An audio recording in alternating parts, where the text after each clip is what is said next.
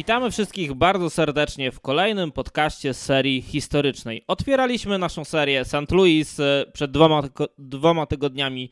E, skupiliśmy się na New York Jets, a dzisiaj porozmawiamy o NFL Drafcie. Ja nazywam się Karol Potaś, a wraz ze mną jest tradycyjnie Witold Cebulewski. Cześć Witku. Cześć, witam wszystkich.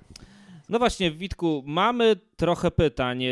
Co to za wydarzenie? Dlaczego jest ważne? Czy w NFL opłaca się przegrywać? Ale o tym za chwilę. Na wstępie chcielibyśmy podziękować e, dla naszych wszystkich patronów, którzy wspierają projekt NFL Polska, a jest już ich 18 e, w najwyższym progu wsparcia.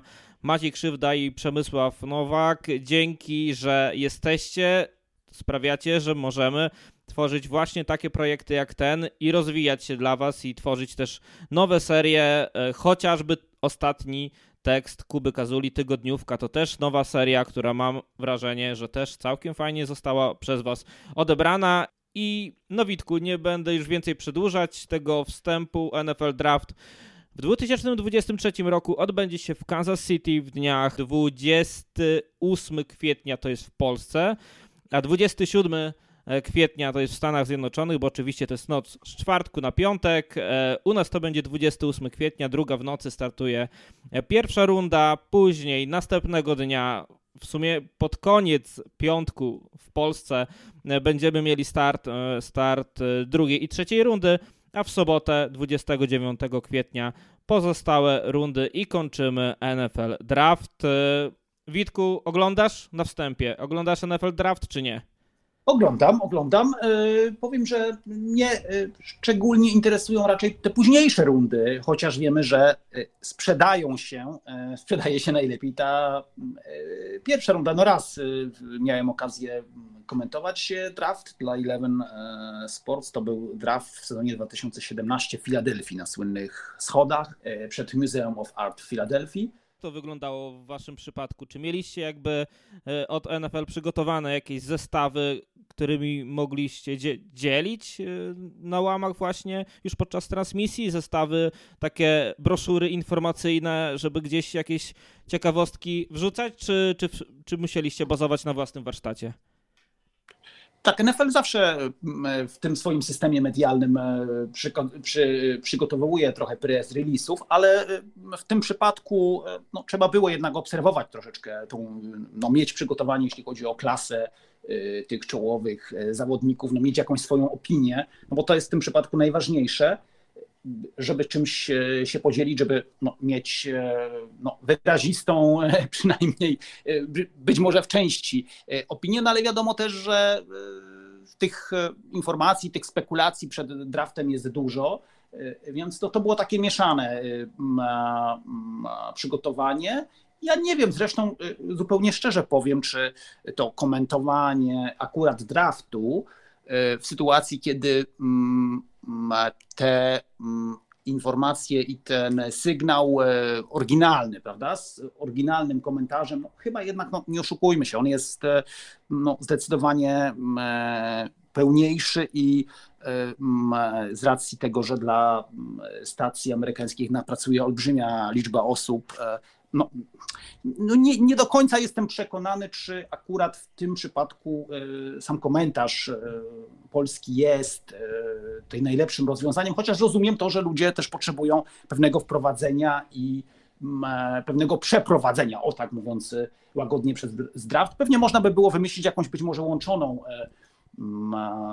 łączony pomysł na, na pokazywanie draftu w przyszłości, jeśli ktoś w ogóle by chciał e, w Polsce e, pokazywać, transmitować. Jestem ciekawy, jak w tym roku będzie to robiło, e, będzie to robiła na przykład niemiecka RTL, tak? bo, bo, bo z tego co słyszałem, zapowiada się tam spora ekipa wysłana przez RTL do Kansas City, bo wiadomo, że to jest takie pierwsze wydarzenie na tym niemieckim rynku, które będzie transmitowane po tej zmianie prawie. Jestem ciekawy, w jaki sposób oni to będą robili.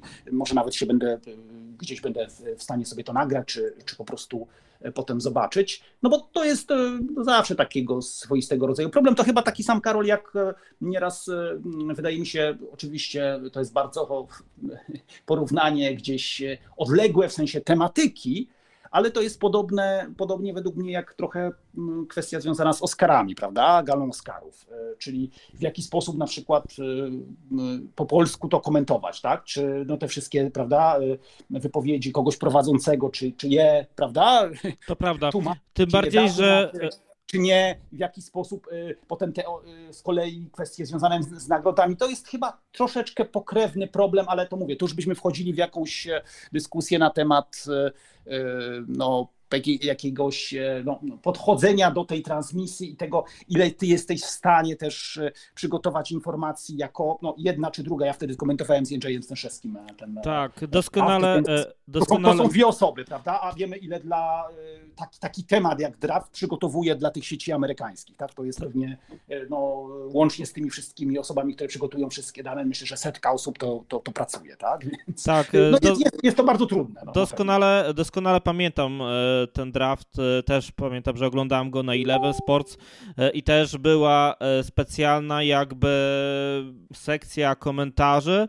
Można było odpowiadać pod fanpage'em Eleven Sports, można by było odpowiadać czy zadawać wam pytania. Zresztą tak jak już teraz to popularnie jest dosyć wszędzie, zresztą tak przy każdej dyscyplinie, ale na Twitterze pod hashtagiem NFL.pl tam zbierała się polska grupa fanów i zbiera się polska grupa fanów futbolu amerykańskiego i wiem, że też do, do tych tweetów nawiązywaliście i jakaś ta dyskusja gdzieś tam się tworzyła, przez co gdzieś tam poszerzaliście sobie grono opinii, że nie, to nie były tylko wasze opinie, a mogliście gdzieś wplatać w swoją dyskusję zdanie kogoś, E, może nie do końca eksperta, ale kogoś, kto na przykład gdzieś kierował się własnymi emocjami i podzielił się opinią, że liczył na rozgrywającego, że jego drużyna wybierze rozgrywającego, a jednak tak się nie wydarzyło.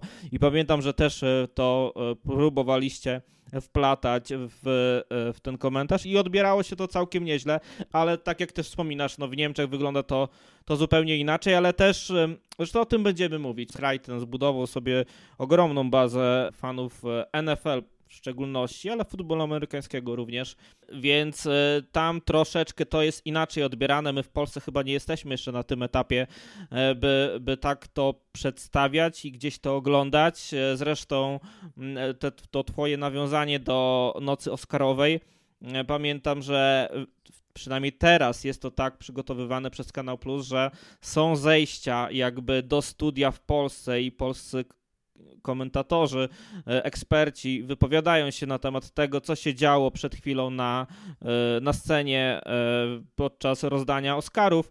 Natomiast jeśli chodzi o NFL Draft, to pamiętam, że było to tak, że chyba wy mieliście sygnał z ESPN i tam jak były, było te studio, to po prostu to studio przyciszano i wy wtedy sobie mówiliście.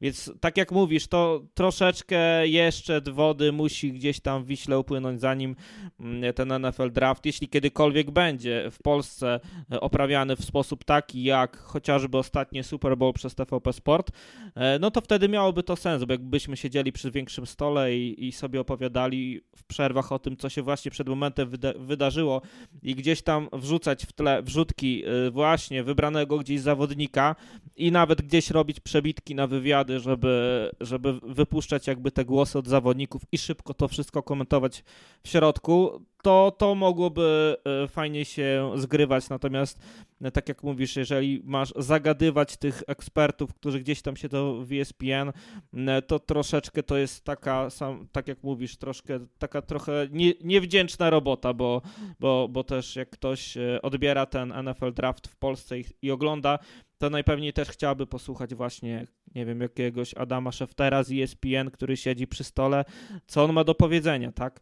E, więc... Tak, no jest, jest to na pewno do przemyślenia cała formuła, w jaki sposób e, ktoś by to chciał robić, dlatego mówię, jestem ciekawy, w jaki sposób będą to próbowali robić i to nie w sensie, powiedziałbym, e, takim, no wiemy, że, że w Niemczech jest popularność, ale w jaki sposób techniczny, niejako w jaki sposób znajdą na robienie NFL Draft w tym roku nowi posiadacze praw w Niemczech czyli RTL. Jestem ciekawy, no ale y, chyba no, musimy przejść do historii. Tak, no za, na wstępie. Draft to wydarzenie, które odbywa się raz w roku. Oczywiście nie mówimy o drafcie uzupełniającym. Draft, ten, który wystartuje o drugiej w nocy 28 kwietnia. To jest to coroczne wydarzenie, które jest chyba najbardziej powszechnym źródłem rekrutacji nowych e, zawodników e, do ligi NFL każdy zespół otrzymuje numer wyboru w drafcie odwrotnie do kolejności swojego rekordu z poprzedniego sezonu, co oznacza, że drużyna zajmująca ostatnie miejsce będzie miała prawo wyboru co do zasady jako pierwsza, a mistrz NFL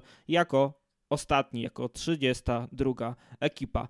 No i z tego miejsca każdy zespół może wybrać zawodnika lub wymienić swój numer wyboru z inną drużyną, co mieliśmy niedawno okazję doświadczyć w przypadku Chicago Bears, którzy byli najgorszą drużyną sezonu 2022-2023 i teoretycznie powinni otwierać NFL Draft, ale wymienili się pikiem i już tego draftu otwierać nie będą. Draft będzie otwierać Carolina Panthers. No i Witku, czy to jest coś najważniejszego dla drużyny NFL w tej pierwszej części sezonu, łącznie z preseason? Czy na przykład rynek wolnych agentów jest czymś ważniejszym? Jak to hierarchizujesz i czy ten NFL Draft jest ważniejszy teraz niż kiedyś? Znaczy teraz jest na pewno ważniejszy, ale z punktu widzenia medialnego. W tym momencie, ja nieraz to powtarzam, to jest rzecz, która mi e, się, e, powiedziałbym, e, no, może nie, nie do końca podoba w tym dzisiejszym patrzeniu na draft, dlatego że według mnie no, mamy taki okres czasu, zresztą no, trudno z tym dyskutować, tak po prostu jest, że ta, powiedziałbym, te, ta otoczka i te, to wszystko jest ważniejsze niejako od treści bo y, oczywiście draft jest niezwykle ważny. On się, y, ja mówię szczególnie dla mnie te późniejsze rundy, o tych pierwszych, o znaczeniu wyborów tych pierwszych jeszcze będziemy pewnie trochę mówili, y, ale, ale no, no, uciekam zawsze i, i, boję się tego, co się dzieje w ostatnich latach, ze zrozumiałych zresztą powodów marketingowych, że draft, zauważyłem, staje się takim równoległym sezonem. To Czyli prawda. E, e, niejako mamy takie wrażenie jako odbiorcy, e, to też dowodzi temu, w jaki sposób, jaki doskonały sposób jest to opakowywane i w jaki sposób wszystko do tego zmierza. Jakobyśmy przy tym wyborze tej jedynki w drafcie w tym sezonie to będzie Carolina Panthers, tak jak wspominałeś, niejako wiem, wybierali równoległego mistrza, czy też później oceniając, prawda, wybory y, każdej drużyny w drafcie, mówimy, a ten wygrał, draft tamten wygrał. No to właśnie teraz chyba mogę wrzucić... Tymczasem wiemy, że, y, że to, czy ktoś wygrał, czy nie wygrał, dowiadujemy się nawet często nie w na, na, na następnym, na tym najbliższym sezonie, tylko czasem nieraz dwa, trzy sezony później. Y, no ale być może się czepiam rzeczywiście. Tak? Ale no to, właśnie to jest, to jest kwestia... chyba dobry moment, żeby wrzucić to pytanie, czy w NFL opłaca się przegrywać, by otwierać draft? Moim zdaniem się nie opłaca. E, I e, nie, to oczywiście patrząc e, na pewne statystyki historyczne, tak? No mamy, nie wiem, jeżeli popatrzymy na te, te drużyny, które zdobywały najwięcej tytułów mistrzowskich, tak? Nie wiem. Niektóre z nich oczywiście, ale. England Patriots na przykład. Ostatni przykład, przykład ostatnich lat. Tak, ale to nie jest właśnie drużyna, która ten kapitał swój głównie budowała na draft. Ona głównie budowała to nawet, nawet może nawet nie tyle na e, rynku wolnych agentów, a na pewno jeśli chodzi nie na drafcie, to nie na tych e, pierwszych rundach, tak? Tak, o, Kansas City Chiefs, wrzucamy kolejne nazwisko, e, kolejną drużynę. Podobnie, podobnie. podobnie. podobnie. Jest, ale już na przykład jest... dorzucamy Cincinnati Bengals i oni zbudowali swój kapitał na pierwszym piku w drafcie. Tak, tak. i to, to jest prawda, natomiast wydaje mi się, że no, no, no, popatrzmy na organizację taką jak Pittsburgh Steelers, która bodaj, jeśli się nie mylę, od ery Super Bowl wybierała raz chyba z jedynką, jeśli się nie mylę. I, e, mm, no i też i, i tych tytułów mistrzowskich zdobyła bardzo dużo. Więc e, no, ja bym był bardzo sceptyczny wobec takiego mówienia, że się opłaca e, przegrywać, bo wydaje mi się, że ta droga środka, nieraz o tym mówiłem, czyli ta droga takiego umiejętnego zarządzania e, kapitałem draftowym, też mądrego wybierania w późniejszych rundach, ale również uzupełnienia tego rynkiem undrafted free agent, który jest takim chyba niedocenianym e, elementem cały czas, no może on tak się też do końca fajnie nie sprzedaje, prawda? No bo to jest po cichu, tak? Przy tych e, undrafted free agents no, nie ma takich, powiedziałbym, fajerwerków, tak? Bo czasem to są zawodnicy mniej znani, oni dopiero swoją e, mm, przydatność pokazują w trakcie sezonu, kiedy są często kontuzje, trzeba no, wypróbować tą głębię składu i jest zrozumiałe, że to, to jest po prostu trudno sprzedać. Ale według mnie to pokazują, zresztą to tak wspomniałeś, pokazuje to droga tych drużyn, które no, w tym wieku, żeby nie iść głębiej, no, są drużynami E, czołowymi. Mówiłeś o e, Patriots, e, mówisz teraz o, o Chiefs, ale trzeba także powiedzieć o Seahawks, tak? To są zespoły, które no, wybierały bardzo rzadko w tych, z tymi najwyższymi numerami w drafcie, a mimo tego są drużynami, które no, systematycznie się pojawiają w postseason.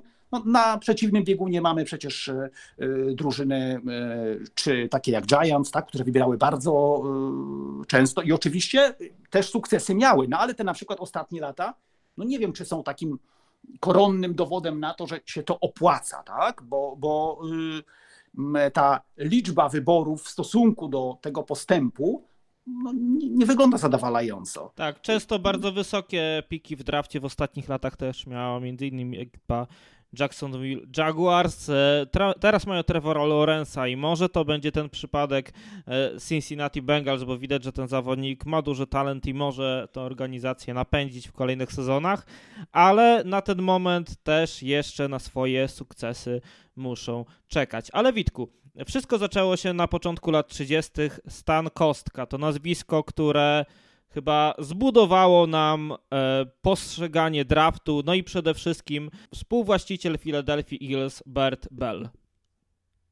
Tak jest, no Bert Bell, cieka, bardzo ciekawa postać, to syn e, e, prokuratora, gen, prokuratora generalnego w Filadelfii, z, z takiej dość zamożnej e, rodziny. No, pamiętajmy, że w tym okręgu filadelfijskim e, w NFL w końcówce lat 20. funkcjonowała drużyna, która nazywała się Frankfurt Yellow Jackets. Często zresztą y, ci, którzy oglądają NFL, czasem mogą zobaczyć jeszcze w jakichś statystykach, tak? Gdzieś nie, wymienione, że jak, jak, jakiś rekord został pobity i tam wśród tych drużyn, które były, gdzieś się czasem pojawia jeszcze ta nazwa. E, to jest zespół, który zdobył tytuł mistrzowski w 1926 roku, ale o tych latach 20. E, no to pewnie powiemy e, przy okazji jakiegoś odcinka dotyczącego historii mhm. i początków National Football League.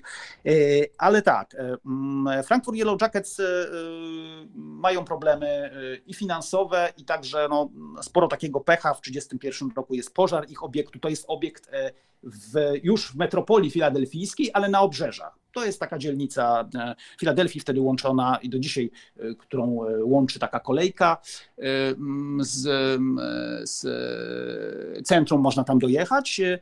No i, w tym, i ten Frankfurt po tym tytule mistrzowskim ma problemy. Koniec końców ten 31 rok, jest pożar, oni muszą grać mecze na dwóch innych stadionach, między innymi na Municipal Stadium, na tym stadionie, na, którym później grają Eagles, e, ówczesni, e, ówczesny prezydent Ligi Carr daje im taką możliwość, żeby grali więcej meczów na wyjeździe, E, po tym spaleniu się, e, po tym, po tym, po tym pożarze, żeby też niejako podreperować paradoksalnie ich budżet, bo wtedy był taki pomysł, że część z, tego, z tych dochodów e, na meczu wyjazdowym gospodarz przekazywał drużynie gości, a ponadto no, wtedy ta drużyna gości nie musiała wszystkiego organizować, a organizacja meczów w tamtych latach też kosztowała. Tak? No ale jednak pod koniec 1931 roku Frankfurt Yellow Jackets upadają. No i niejako, można powiedzieć, nie tyle upadają, co zwracają y, no, prawa NFL-owi do drużyny w okręgu filadelfijskim. No i, NFL szuka wtedy jakichś nowych właścicieli, no i y, znajduje w 1933 y, roku właśnie Berta Bella i Lada Raya, to są koledzy, którzy się też często spotykają na wyścigach konnych. I e, oni kupują e, tą organizację, przenoszą ją do, e, już robią z niej drużynę Philadelphia, zresztą pod sam koniec Frankfurt Yellow Jackets też niektórzy dziennikarze filadelfijscy już ją nazywają Philadelphia Yellow Jackets, bo też wyczuwają, że trzeba jakoś no, poszerzyć bazę kibiców, nie tylko dotyczącej tej dzielnicy, ale zrobić z tego drużynę filadelfijską. Natomiast no, Bert Bell już i e, nie mają żadnych wątpliwości. Trzeba zrobić drużynę e, w Filadelfii. E, nazwa e, Eagles, ona się niejako wzięła z tego pomysłu Franklina Delano Roosevelta, czyli prezydenta ówczesnego Stanów Zjednoczonych, czyli New Deal. New Deal, czyli ten program gospodarczy, który miał walczyć, miał promować roboty publiczne, ingerencję państwa, które były odpowiedzią na wielki kryzys na przełomie lat 20. i 30. W takim, mm, taka organizacja niejako i, i takie hasło, które przyświecało New Deal, to był nie tyle hasło, co ustawa, to był tak zwany National Recovery Act. I godło tego, w tym godle tego National Recovery Act, który symbolizował New Deal, był właśnie orzeł. No i to jest pewien element, który podpowiedział Bertowi Bellowi, żeby nazwać drużynę Eagles. Ta drużyna zaczyna grać w 1931 roku, stąd też, jak y, sobie śmiało możemy powiedzieć, nie ma tej y, niejako nie ma tej ciągłości historycznej, prawda? Czyli y, przez to, że drużyna w 1932 roku nie grała, to dzisiaj w historii filadelfijskiej e, Philadelphia Eagles e, tego tytułu mistrzowskiego Frankfurt Yellow Jackets się nie wpisuje, tego z 26 roku. Nie ma tego tytułu mistrzowskiego i, i, i w takiej oficjalnej historii no niejako jest Philadelphia Eagles uważana za taki expansion team, który dołączył do ligi w 1933 e, roku. No i Brett Bell kiedy przejmuje drużynę, w, e, kiedy e, tą drużynę e, zakłada razem z Radem Rayem. W 1933 roku nie idzie im dobrze, w 1934 również. Oni przychodzą w takim ciekawym momencie do ligi, kiedy no, w ostatnich paru latach zaczynają wygrywać te same zespoły. Tak, po 27 tak, no roku wygrywają. Dokładnie tak. i do tego do, do, gdzieś się dorzuciły problemy ze sprzedażą biletów, problemy z osiąganiem jakichkolwiek zysków finansowych. No i nagle zrodziło się w ich głowie, musimy mieć mocne nazwiska, żeby przyciągnąć. Znaczy w sumie każdy chciał mieć mocne nazwiska, no ale Bertowi Bellowi zależało na tym wybitnie bardzo, bo finansowo też to nie wyglądało najlepiej. E, też e, nawet mówię, ta sprzedaż biletów e, to był problem i chcieli pozyskać Stana Kostkę. Był to running back Uniwersytetu Minnesota. Był kimś, kto mógł sprzedawać bilety w lidze NFL, bo, bo wszyscy chcieli go mieć, ale nie było draftu i Stan Kostka licytował, kto da najwięcej. Berta Bella to bardzo zezłościwo przekonywał właścicieli ligi NFL, że trzeba stworzyć jakiś proces wyrównywania szans no i na spotkaniu ligowym 18 maja 1935 roku Bell oficjalnie jakby to zaproponował już po tych wszystkich pierwszych rozmowach nieoficjalnych. No i mamy draft.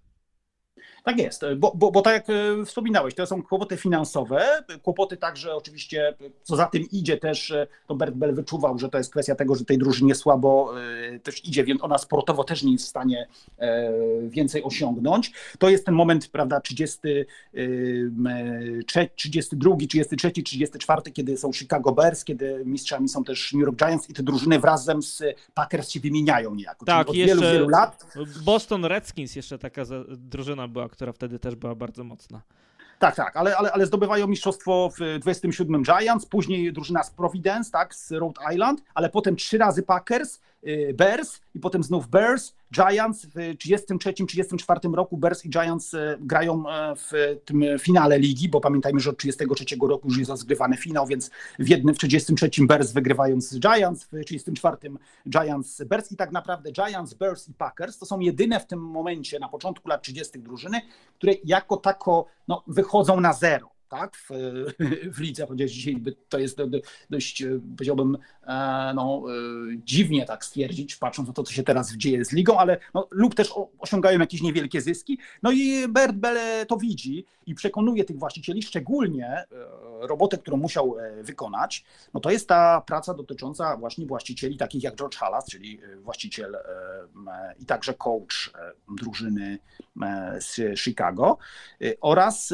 Tim Mara, czyli Y, właściciel Giants, no bo niejako to najbardziej uderzało w interesy tych y, właścicieli, no bo mm, oni musieli zdecydować się na coś, co spowoduje, że oni tak często nie będą zdobywali tytułów mistrzowskich.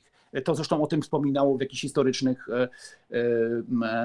w historycznych przekazach Timara, właściciel Giants, że musieliśmy się niejako pogodzić z tym, że to będzie, że ta liga zacznie przypominać losy niejako każdego człowieka, tak? że czasem mu idzie dobrze w życiu, czasem mu idzie źle że no, będzie większa zmienność, że ja już nie będę tak często wygrywał tych tytułów mistrzowskich, że musimy się poświęcić dla dobra ogółu. No ten pomysł Berta Bella, o którym wspomniałeś, no to on dokładnie to tak sformułował na tym e, zebraniu ligi w 1935 roku, że e, mm, on zawsze to powtarzał, że liga jest tak e, silna, jak jej najsłabsze ogniwo. A ja, mówił Bert Bell, no zbyt długo jestem tym najsłabszym ogniwem, żeby tego nie wiedzieć. Tak, i co ciekawe, no, jego ta propozycja została przyjęta jednogłośnie.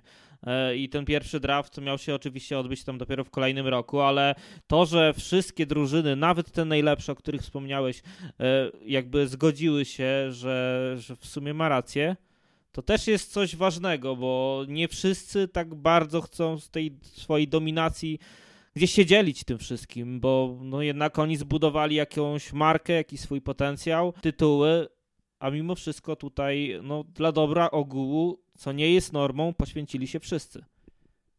Tak jest, to prawda. I to był, e, to był e, taki wyraz też dalekowzroczności tych ówczesnych e, właścicieli, którzy no, zrozumieli, że jako bez tego całość nie będzie lepiej działała.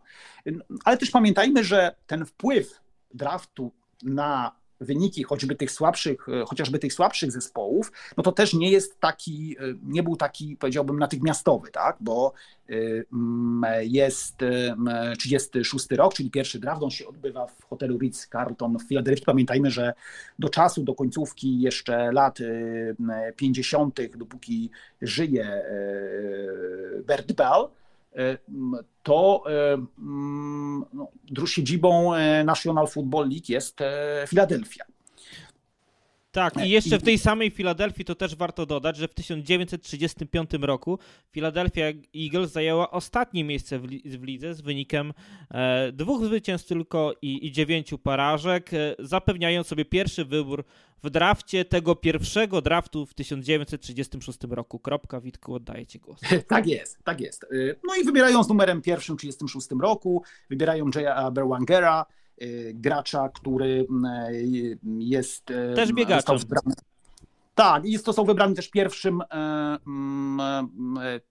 no, zwycięzcą w 1935 roku Downtown Athletic Club Trophy, czyli to jest coś, co później nazwano nagrodą Heismana ale y, no, Philadelphia Eagles y, nie byli w stanie go podpisać, także ze względów finansowych. Y, od razu przekazali prawa zresztą do, tej, do, do niego, do Bears. Bears też nie byli w stanie zaspokoić możliwości i też aspiracji finansowych Jaya Berwangera. Tak, George wtedy Halas właścicielem Bears był George Halas. Tak jest, George, George Halas mu oferował 25 tysięcy, znaczy chciał, Jay Berwanger chciał 25 tysięcy dolarów za dwa sezony. Nie jest to jakaś, prawda, na dzisiejsze czasy kwota zaporowa, no ale w tamtych latach naprawdę no, futbol zawodowy był jeszcze w powijakach, więc ta jedynka, pierwsza w drafcie, w ogóle w National Football League nie zagrała. No niektórzy twierdzą i historycy twierdzą, że taką, takim powiedziałbym pierwszym zawodnikiem, który miał duży wpływ wybranym w drafcie na potem formę zespołu i na losy zespołu w najbliższych latach, no to był y, wybór w 1937 roku z szóstym numerem y, przez Washington, wówczas Redskins, którzy się niedawno przenieśli z Bostonu do stolicy tak. samego Bow. I Sami Bow z TCU rozgrywający, no on podniósł drużynę z Waszyngtonu na nowy poziom. E, zresztą e, ówcześni Redskins zdobyli tytuł mistrzowski, potem w 1942 roku, w 1943 byli w, również w wielkim finale, bo pamiętajmy, że tutaj mówimy, nie mówimy o Super Bowl, tylko jeszcze o wielkich finałach NFL. Już zresztą w 1940 byli w wielkim finale, wtedy bardzo mocno zbici przez Bears 73 do 0. W 1942 to oni wygrywają tytuł. W 1943 z kolei są znów e, w e, wielkim finale. W wielkim finale są także w roku 1945. E, to wiele, wielu wskazuje na taki pierwszy, mm, powiedziałbym, pierwszy, na, na takiego pierwszego zawodnika, który niejako zmienia sytuację organizacji, bo pamiętajmy, że te wszystkie rzeczy, o których mówimy, one też tak od razu nie działają. To też powiedziałbym, jest warto mieć taką świadomość, kiedy widzimy jakieś e, rzeczy, które się zdarzają w świecie koło nas, tak? jakieś zmiany, jakieś nowe pomysły, to nie jest do końca zawsze tak, że możemy prawda, po roku czy po e, dwóch latach zawsze powiedzieć, że coś już się nie powiodło. Tak? No, potrzebujemy troszeczkę dłuższego czasu e, funkcjonowania pewnych zjawisk, żeby. Też tutaj warto dodać. Ocenić tak, też tu warto dodać, że oczywiście te pierwsze drafty nie mieliśmy żadnych scouting combinów, tak jak to jest teraz. Nie było żadnych e, list e, na liście płac mnóstwo scoutów, którzy jeździli i oglądali tych zawodników. Mm, były pogłoski, była jakaś prasa drukowana, jakieś wizyty w lokalnych uczelniach, ale przez kierowników nawet drużyn, a nie skautów, którzy mają skautować zawodników na daną pozycję do danej drużyny, więc też ta skuteczność tego draftu na początku nie była taka pewnie jak jest w tym roku, jak było rok temu, dwa, trzy 10 czy 20, no bo już jednak to wszystko się pozmieniało. Natomiast na samym początku to tak jak mówię, pogłoski, prasa drukowana, jakieś gdzieś e, głosy, że ktoś komuś kogoś polecił i że może się sprawdzić.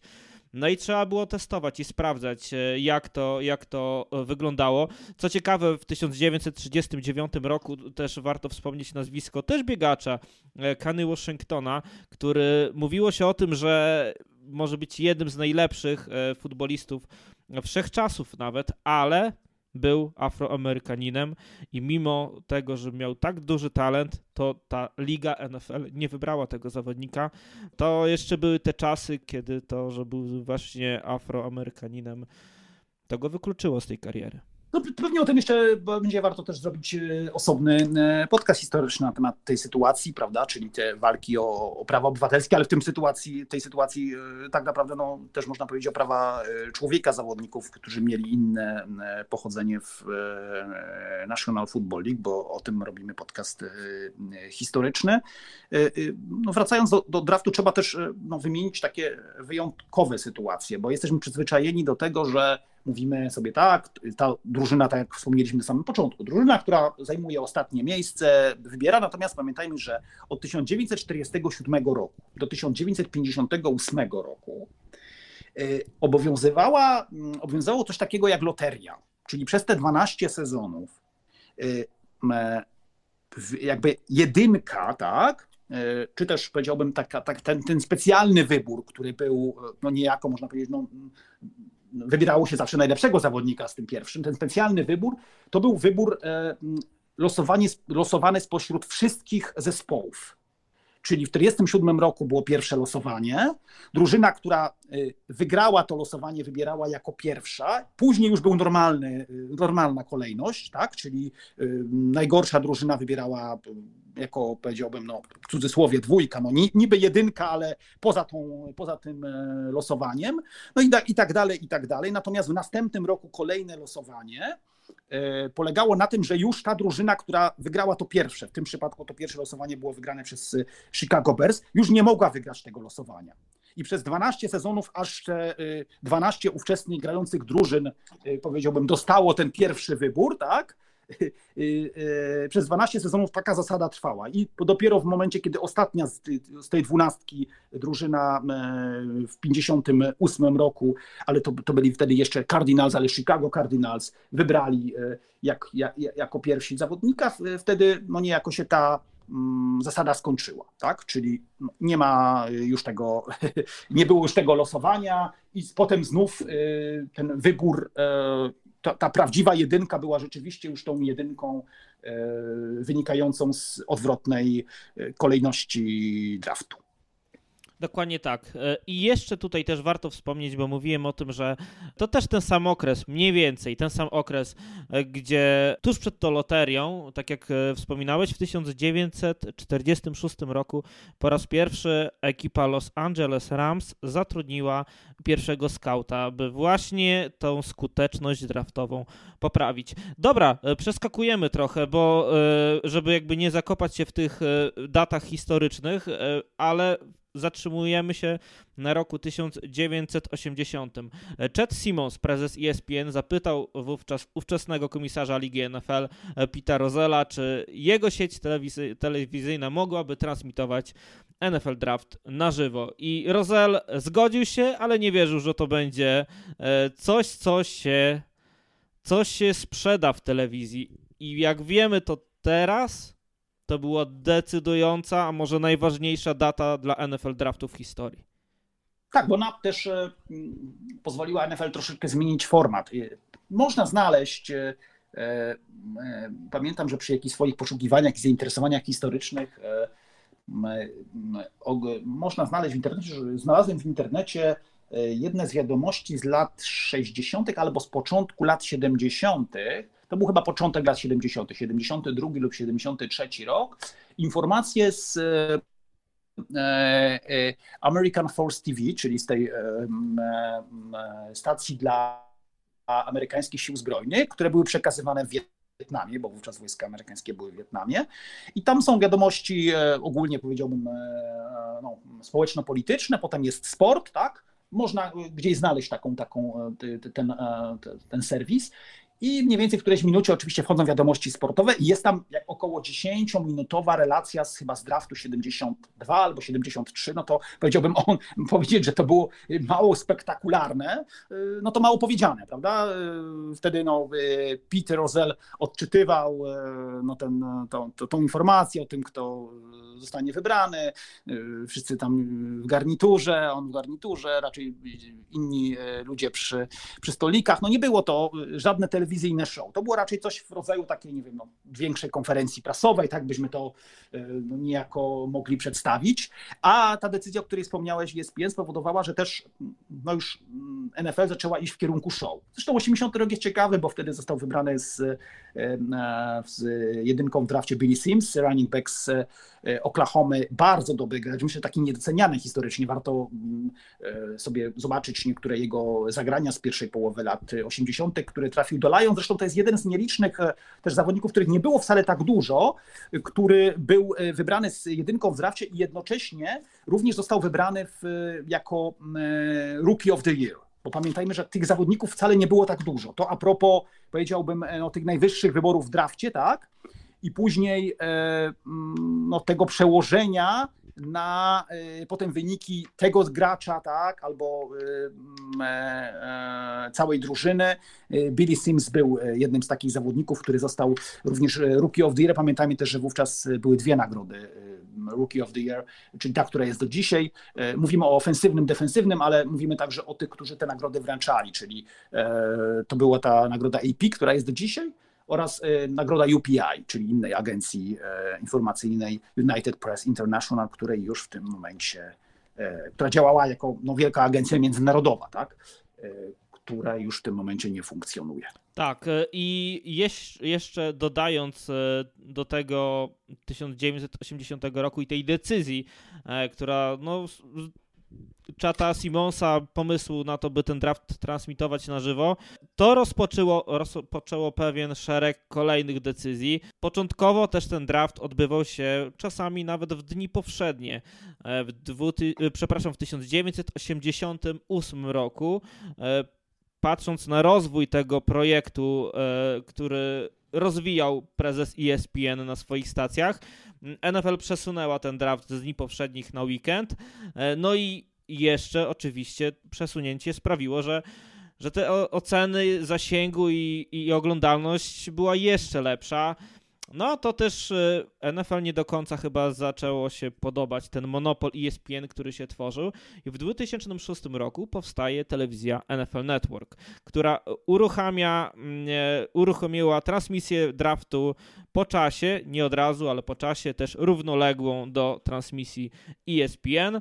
Mm, no i to też gdzieś była baza, ten NFL Draft y, i budowany NFL Draft przez NFL Network e, było taką bazą do tego, by nie już nie tylko się skupiać na ESPN, ale też by NFL zaczęła korzystać z tego jeszcze większymi garściami. Po czasie, bo teraz wszyscy pamiętają, że ten NFL Draft to, to ESPN ewentualnie ABC.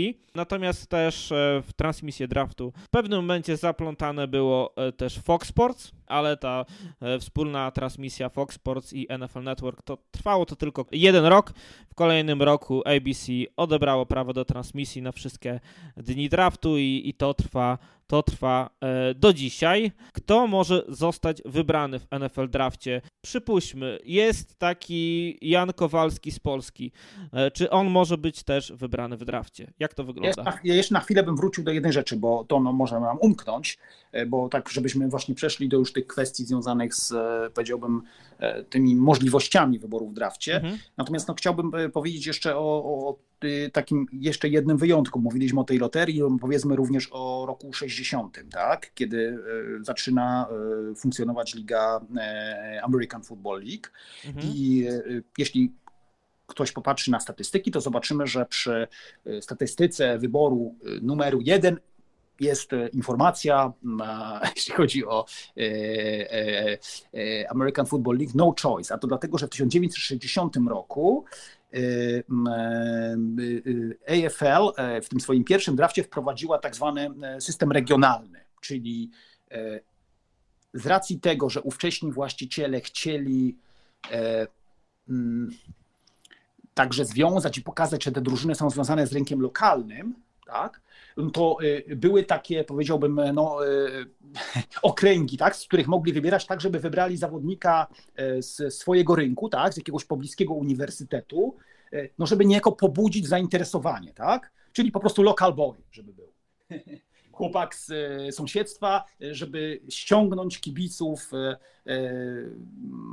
jeśli chodzi o popularność tej ligi. No to był taki pierwszy z pomysłów Lamara Hunta i pozostałych e, właścicieli. No ale także taki, wśród nich były takie, żeby no, tych zawodników, powiedziałbym potem, e, niejako w latach 60., kiedy odbywały się potem jednocześnie drafty i e, dotyczące NFL i AFL, bo o tym warto powiedzieć, prawda, że mamy przez całe lata, powiedziałbym 60. taki konflikt, tlący się, potem oczywiście jest porozumienie, ale na samym początku jest spora walka o te jedynki w, w drafcie, to no mamy, powiedziałbym, dwa wybory, prawda, czyli mamy wybory AFL, i mamy wybory dotyczące również NFL, tak? I no, mamy też takie ikony wybierane przez lata 60., prawda? W 65 Joe Namath, tak? który jest, powiedziałbym, wybrany i przez Cardinals, i przez Jets. Wiemy, że już podpisuje umowę z Jets, bo o tym mówiliśmy w poprzednim roku. Zresztą ówczesny jego coach z e, uczelni e, Alabama, Bill Bryant, E, namawia go, żeby no, jak już podpisze, no to żeby wyciągnął sporo pieniędzy i mówimy, no podpisz kontrakt za 100 tysięcy, to będzie duży sukces. No okazało się, że John Namath podpisał za 400. E, e, zresztą to też ciekawe, bo o tym warto wspomnieć, że jeśli oglądacie film, który jest jednym z moich ulubionych filmów, czyli Forrest Gump, tam ten fragment, w którym Forrest biegnie, tak, zarówno po boisku treningowym, jak i później na boisku, jest pokazany taki gentleman w kapeluszu z kratą, E, na trybunach w otoczeniu swoich asystentów, no to jest właśnie coach Bill Bryant, legendarny coach e, Alabamy, no który, był, który jest aż taką postacią w historii Stanów Zjednoczonych, e, że Robert Zemeckis, reżyser tego filmu, no umieścił go tam, powiedziałbym, no wśród innych wielkich postaci, które miały wpływ na historię Stanów Zjednoczonych w XX wieku, ale także Gail Sayers z kolei mówię o tych rywalizacjach z kolei, prawda? Gail Sayers podpisany przez Bears, a przecież wybrany też przez Chiefs, Dick Batkas przez, y, y, wybrany przez Bears, a też był z kolei wybrany przez Boston Patriots. No byli zawodnicy z kolei, którzy podobnie jak Neymar wybrali jednak drużynę z AFL, czyli Big Buchanan, Bobby Bell, Fred Biletnikow, to tobie pewnie bliższy, bliższa postać, bo wybrał Raiders tak, w 1961 roku zamiast y, y, Detroit Lions. Więc warto wspomnieć o tym okresie, mm, bo to był taki okres, w którym mieliśmy zarówno draft American Football League, jak i w draft National Football League. No i powiedziałbym, no była później walka o tych graczy. To prawda. No właśnie, a jeśli tak, chodzi... no mówimy, mówimy o, mówi, tak, jest kwestia oczywiście tego tak zwanego, powiedziałbym, tej dostępności tak, do, do, do draftu. No jest to wiadomo, jest to tutaj, nie wiem na ile się mamy tutaj rozwodzić, więc może jakbyś zrobił jakiś krótki wstęp. Bo... Znaczy, znaczy teoretycznie jest tak i tak się nawet wydarzyło, że zawodnik grający w lidze polskiej czy grający w GFL może zostać wybrany w drafcie. Ale oczywiście e, musi być to poprzedzone odpowiednim przygotowaniem do tego draftu, też dużej pracy w gabinetach gdzieś. E, mówimy o zawodniku, tutaj w tym przypadku zawodniku wybranym przez Minnesota Vikings skrzydłowym, który nigdy nie grał w Stanach Zjednoczonych, a grał tylko w GFL e, i przez swoje występy w GFL został zauważony do tego stopnia, że został wybrany w drafcie, więc teoretycznie e, ktoś z Europy może być wybrany tak. w drafcie. NFL może być to ktoś wybrany grający tylko w Kanadzie. E, futbol amerykański też może być. Canadian Football League, tak. Tak, tam też jest draft, mm, ale co do zasady, do draftu przystępują zawodnicy, którzy grają w lidze NCAA, mają skończone 3 lata i, i mogą się zgłosić do draftu. No i po tym, jak zostaną gdzieś wybrani w tym drafcie, mogą podpisać umowę z daną drużyną, bądź gdzieś ją negocjować, renegocjować. Wiemy, że na początku e, było też tak, że jak w tym pierwszym drafcie e, jeden z zawodników nie podpisał umowy, to później gdzieś tam właśnie próbowano go wymienić. Teraz to tak co do zasady tak to nie wygląda, bo te kontrakty, e, które szczególnie tych zawodników wybieranych wysoko, są stałe i nienegocjowalne, co, co więcej po pierwszych e, trzech latach można podjąć jakby e, opcję piątego roku zawodników tak wybranych w, pier w, pierwszej rundzie, więc e, jeśli nie będziemy mówić i nie rozwodzić się nad kontraktami, ale teoretycznie zawodnik wybrany w pierwszej rundzie jest dostępny dla tej drużyny, która go wybrała w pierwszej rundzie przez 5 lat. Jeżeli jest wszystko ok, to, to na 5 lat jest to zaklepany zawodnik przez daną drużynę. Oczywiście to mówię, co do zasady tak wygląda, natomiast oczywiście może wyglądać to też po drodze troszkę inaczej. Ostatnio twój dobry znajomy Jeff, Jeff Okuda, e, który grał 3 lata w Detroit Lions, e, obecnie opuszcza Detroit Lions i trafia do Atlanty Falcons i też teoretycznie Lions mają, mieli go jeszcze dwa lata na kontrakcie, ale,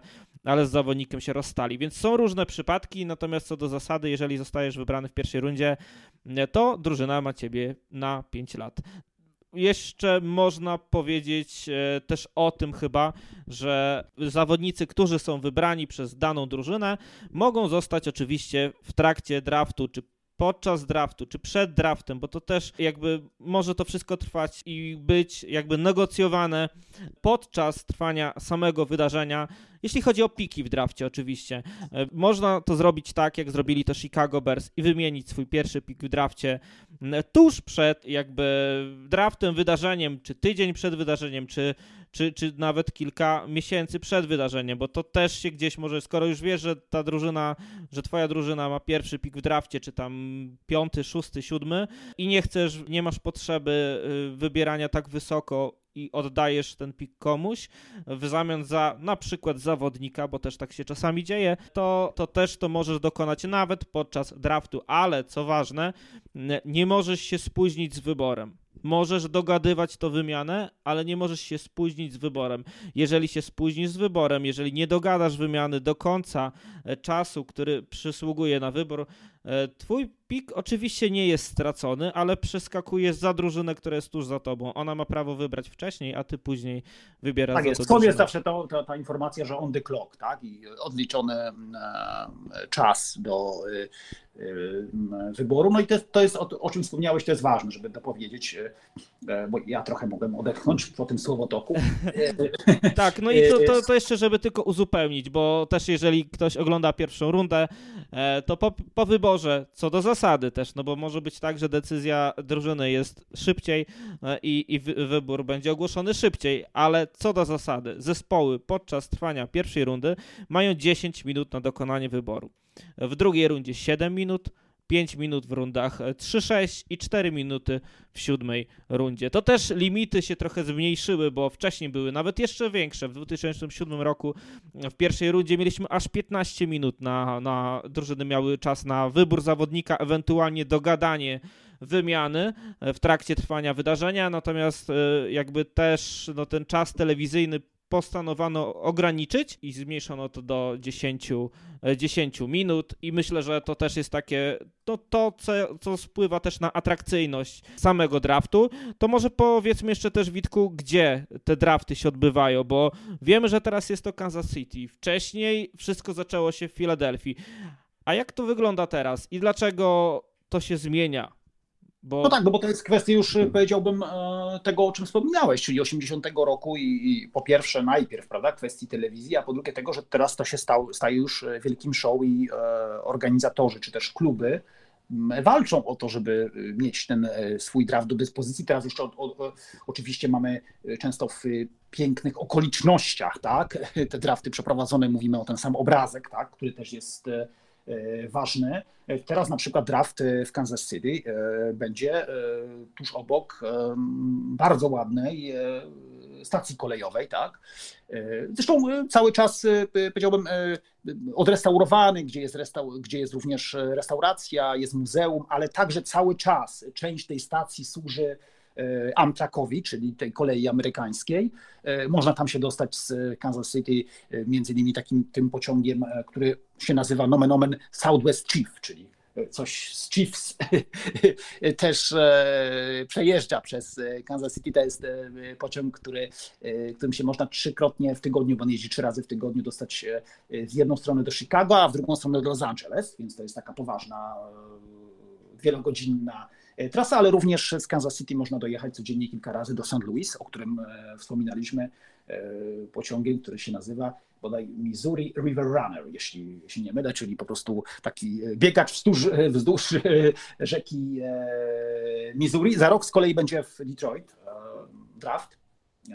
Już powiedziałbym, oszczę sobie zęby w tym sensie, że będzie w takim miejscu, które ja bardzo lubię, jednym z miejsc odbywania się draftu E, będzie Campus Martius, miejsce, gdzie lubiłem zawsze i, i lubię chodzić na kawę, także e, taki mój, jeden z moich, jedno z moich ulubionych miejsc w e, Detroit. Także Hat Plaza, czyli miejsce, które jest tuż nad rzeką Detroit, to będzie też bardzo fajne wydarzenie. No i wspominałem o tym filadelfijskim, prawda?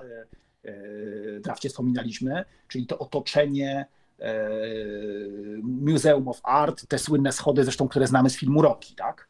To na, prawda. Rocky, na których e, Rocky biegał. Ja jeszcze znów tutaj e, powiedziałbym, zrobię małą e, gdzieś taką jeszcze powiedziałbym, wezmę w nawias i wspominałeś o kwestiach związanych i z tą powiedziałbym dostępnością, niejako, czyli prawami zawodników, którzy mogą zostać wybrani, ale także mówiłeś o kwestiach związanych z tymi trade'ami, czy też wymianami e, tych zawodników, tak, albo tak naprawdę wyborów, tak? bo często możemy mówić, że mamy po prostu wymiany y, wyborów. No tutaj e, warto wspomnieć Jimmy'ego Johnsona, czyli e, szkoleniowca Dallas Cowboys, który stworzył coś takiego jak Trade Value Chart, tak? czyli taką, powiedziałbym, taki, taką tabelę które, która pomaga niejako, tak, był pierwszym takim, który pomaga w, niejako w e, ocenianiu wartości tej wymiany, tak, i to jest e, taka tabela, którą można znaleźć, tak, której na przykład jedynka jest warta 3000 punktów, tak, dwójka 2600 między innymi,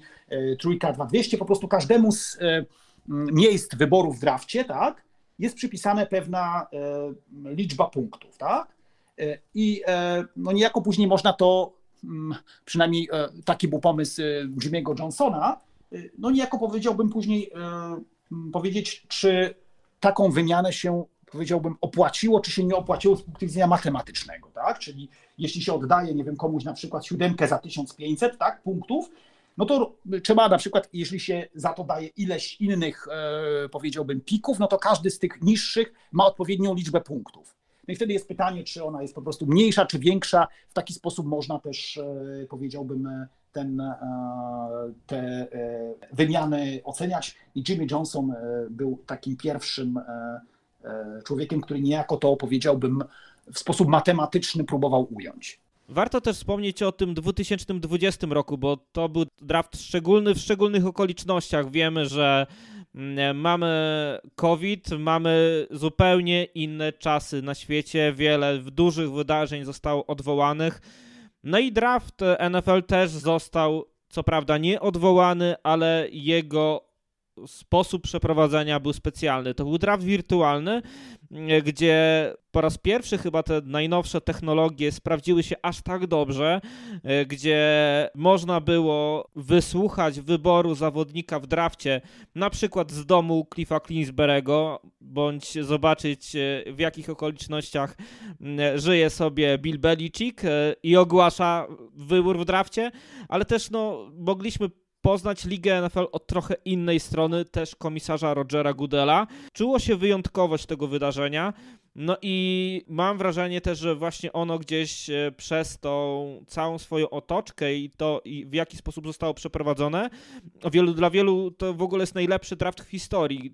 No to było bardzo ciekawe, bo e, nowe doświadczenie, jednocześnie zobaczymy jak e, nowe technologie i kwestia tego, że nie było to może tak powiedziałbym, to wydarzenie dostępne dla sympatyków z zewnątrz, a jednocześnie paradoksalnie dzięki tym nowym technologiom mogliśmy trochę bardziej e, poznać ludzi. Więc tu wydaje mi się, że to się wtedy naprawdę e, powiedziałbym, e, zgadzam się z Tobą, że to wyszło bardzo dobrze, chociaż to oczywiście ten wyścig po mm, organizacji, o, o, o czym powiedziałeś, to jest efekt tego, że dzisiaj jest to po prostu wykorzystywane, ten draft jest po prostu eventem dla kibiców, tak? I chodzi o to doświadczenie kibicowskie.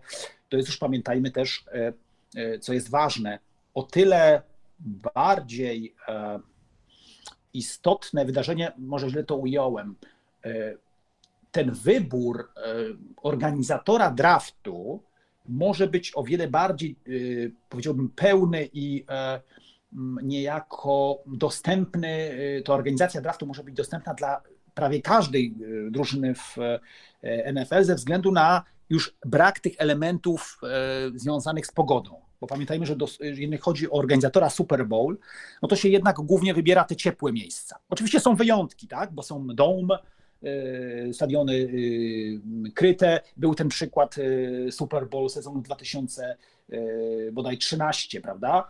Y, który był w e, Nowym Jorku na stadionie odkrytym, kiedy było bardzo zimno, ale generalnie, prawda, jeśli chodzi o wybór organizatora Super Bowl, przeważnie wybierane są te ciepłe stany, ciepłe w lutym. Natomiast tutaj to się wszystko odbywa w kwietniu, pod koniec kwietnia, no i to tak naprawdę mamy całe Stany Zjednoczone, więc tu już tak, nie ma tu tego też war... Dokładnie, tu też warto wrzucić ciekawostkę, co do zasady, nie wiem jak jest teraz w Kansas City, ale co do zasady było tak, że te drafty, które właśnie wyszły poza, e, poza jakby te zamknięte gabinety, a właśnie do ludzi, to bilety na NFL Draft e, były bezpłatne, były udostępniane fadom na zasadzie kto pierwszy, ten lepszy. I można je było e, odebrać w kasie jakby wejścia rano w dniu draftu, jeden bilet na osobę, no i myślę, że to też było coś takiego, co, co fajnie gdzieś nam zbliżało to do takiego momentu, że tak jak wspominałem w roku 2019 w Nashville mieliśmy aż, aż 600 tysięcy 600 tysięcy fanów. Witku, by, y, mówię, powoli już stawiać kropkę.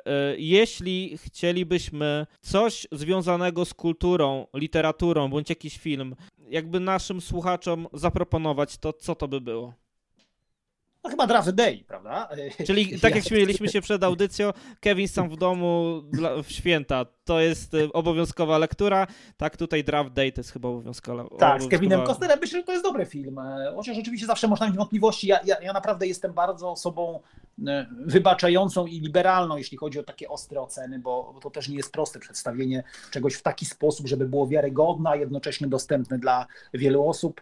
E, no z tą zresztą taką dostępnością międzynarodową i tym zrozumieniem no, różnie jest, bo ja też dopiero niedawno z wielkim zdziwieniem się dowiedziałem, e, że w Polsce ten film jest e, dystrybuowany pod tytułem Ostatni Gwizdek. Tak, tak, tak. E, więc to, to tak na marginesie. Natomiast jeśli chodzi o literaturę, to chciałbym jak zwykle powiedziałbym odejść od takiego NFL-owego sposobu myślenia, bo mówiliśmy tutaj o latach 30. Pamiętajmy, że te problemy, o których mówiliśmy, Berta Bella, z, czy też wcześniej Frankfurt Yellow Jacket, czy te problemy z publicznością na, w latach 30., one się też wiążą z wielkim kryzysem, z ogromnym kryzysem. Zresztą mówiliśmy, że ten National Recovery Plan, który zwiastował New Deal, był jakąś inspiracją i ten orzeł z tego plakatu był inspiracją dla Berta Bella dla nowej nazwy drużyny. E, no ale to są ciężkie lata dla Stanów Zjednoczonych, e, które chyba najlepiej, jeśli chodzi o taką wielką literaturę, opisuje e, też laureat Nagrody Nobla, amerykański wielki pisarz John Steinbeck w takiej powieści Grona Gniewu. No to jest wielka literatura. Ona jest niedawno wznowiona przez wydawnictwo Pruszyński Spółka w tłumaczeniu Alfreda Lipfelda, takiego znanego tłumacza, który to tłumaczył bodaj już w latach 50., bo pierwsze wydanie polskie było w 1956 roku. No i niejako y, Steinbeck nas wprowadza w no ten, y, powiedziałbym, klimat lat 30. i y, w to, z czym się musieli zmagać wówczas zwykli Amerykanie. My oczywiście tutaj mówiliśmy o właścicielach klubów, o ludziach też jak, niejako uprzywilejowanych w tamtych latach, takich, którzy mogli sobie pozwolić na pewne ryzyko, na wydanie pieniędzy, także na straty finansowe a tutaj mamy mm, do czynienia z taką panoramą niejako sytuacji y, Stanów, y, ludzi w Stanach Zjednoczonych, no i także potencjalnie jakichś widzów, różnych widowisk, tak? ale także tych, którzy, y, no powiedziałbym, no, mogli chodzić na jakieś wydarzenia, czy nie mogli, czy w ogóle mieli takie możliwości, czy też powiedziałbym, no, musieli zaspokajać swoje podstawowe potrzeby, bo ten wielki kryzys w Stanach Zjednoczonych no, naprawdę pochłoną ze sobą ogromne wyrzeczenia i też y, no, nie ma co tutaj ukrywać, również pewne ofiary. Witku, chyba kończymy. Wydaje się, że e, chyba wyczerpaliśmy temat. E, dziękuję. Natomiast to, to zawsze jest tak, że e, i to zawsze sobie tutaj wszystkim je powtarzamy często po zakończeniu, czy prawda, odcinku, że o czymś na pewno nie powiedzieliśmy, tak, czy coś zapomnieliśmy. No, no nie da się nigdy wyczerpać żadnego z tych tematów no tym bardziej, że tutaj próbujemy też e, niejako dzielić się. E, Trochę pigułę robić z tego. Tak, tak, zdecydowanie tak. A nie zawsze z wszystkim się da. Tutaj też temat draftu. W ogóle nie pogadaliśmy o pierwszych pikach, tak naprawdę o tych nazwiskach. Tak jest, tak jest. O ale... tych nazwiskach i o tym, czy, czy tak naprawdę, e, które z tych były, powiedziałbym, znaczące, które nie, nie rozwinęliśmy trochę tego tematu, od którego zaczęliśmy, tak? Czy się opłaca, czy się nie opłaca i powiedziałbym, nie, nie daliśmy tego przykładu, bo tutaj każdy pewnie ma, może mieć swoją opinię i może też przytoczyć wiele takich e, e, i, i, kilka przynajmniej takich dowodów, tak, w których no, powiemy, że e, te wybory się no, niejako opłaciły. To nie zawsze może się tak bardzo prawda, przekładało na losy drużyny, no ale w różny sposób potem możemy analizować wpływ tego czy innego zawodnika na daną e, organizację. Tak, ale to będzie może dobra e, też e, szansa po drafcie, by do tego wrócić, by przygotować taki odcinek NFL Draft 2.0, omówić to, co się działo w Kansas City i przy okazji też może wrócić jeszcze do tych historii, może też jakichś waszych propozycji, a za dzisiaj wam już bardzo serdecznie dziękujemy. Ja nazywam się Karol Potaś, a wraz ze mną był Witold Cebulewski. Dzięki wielkie. Do usłyszenia, hej.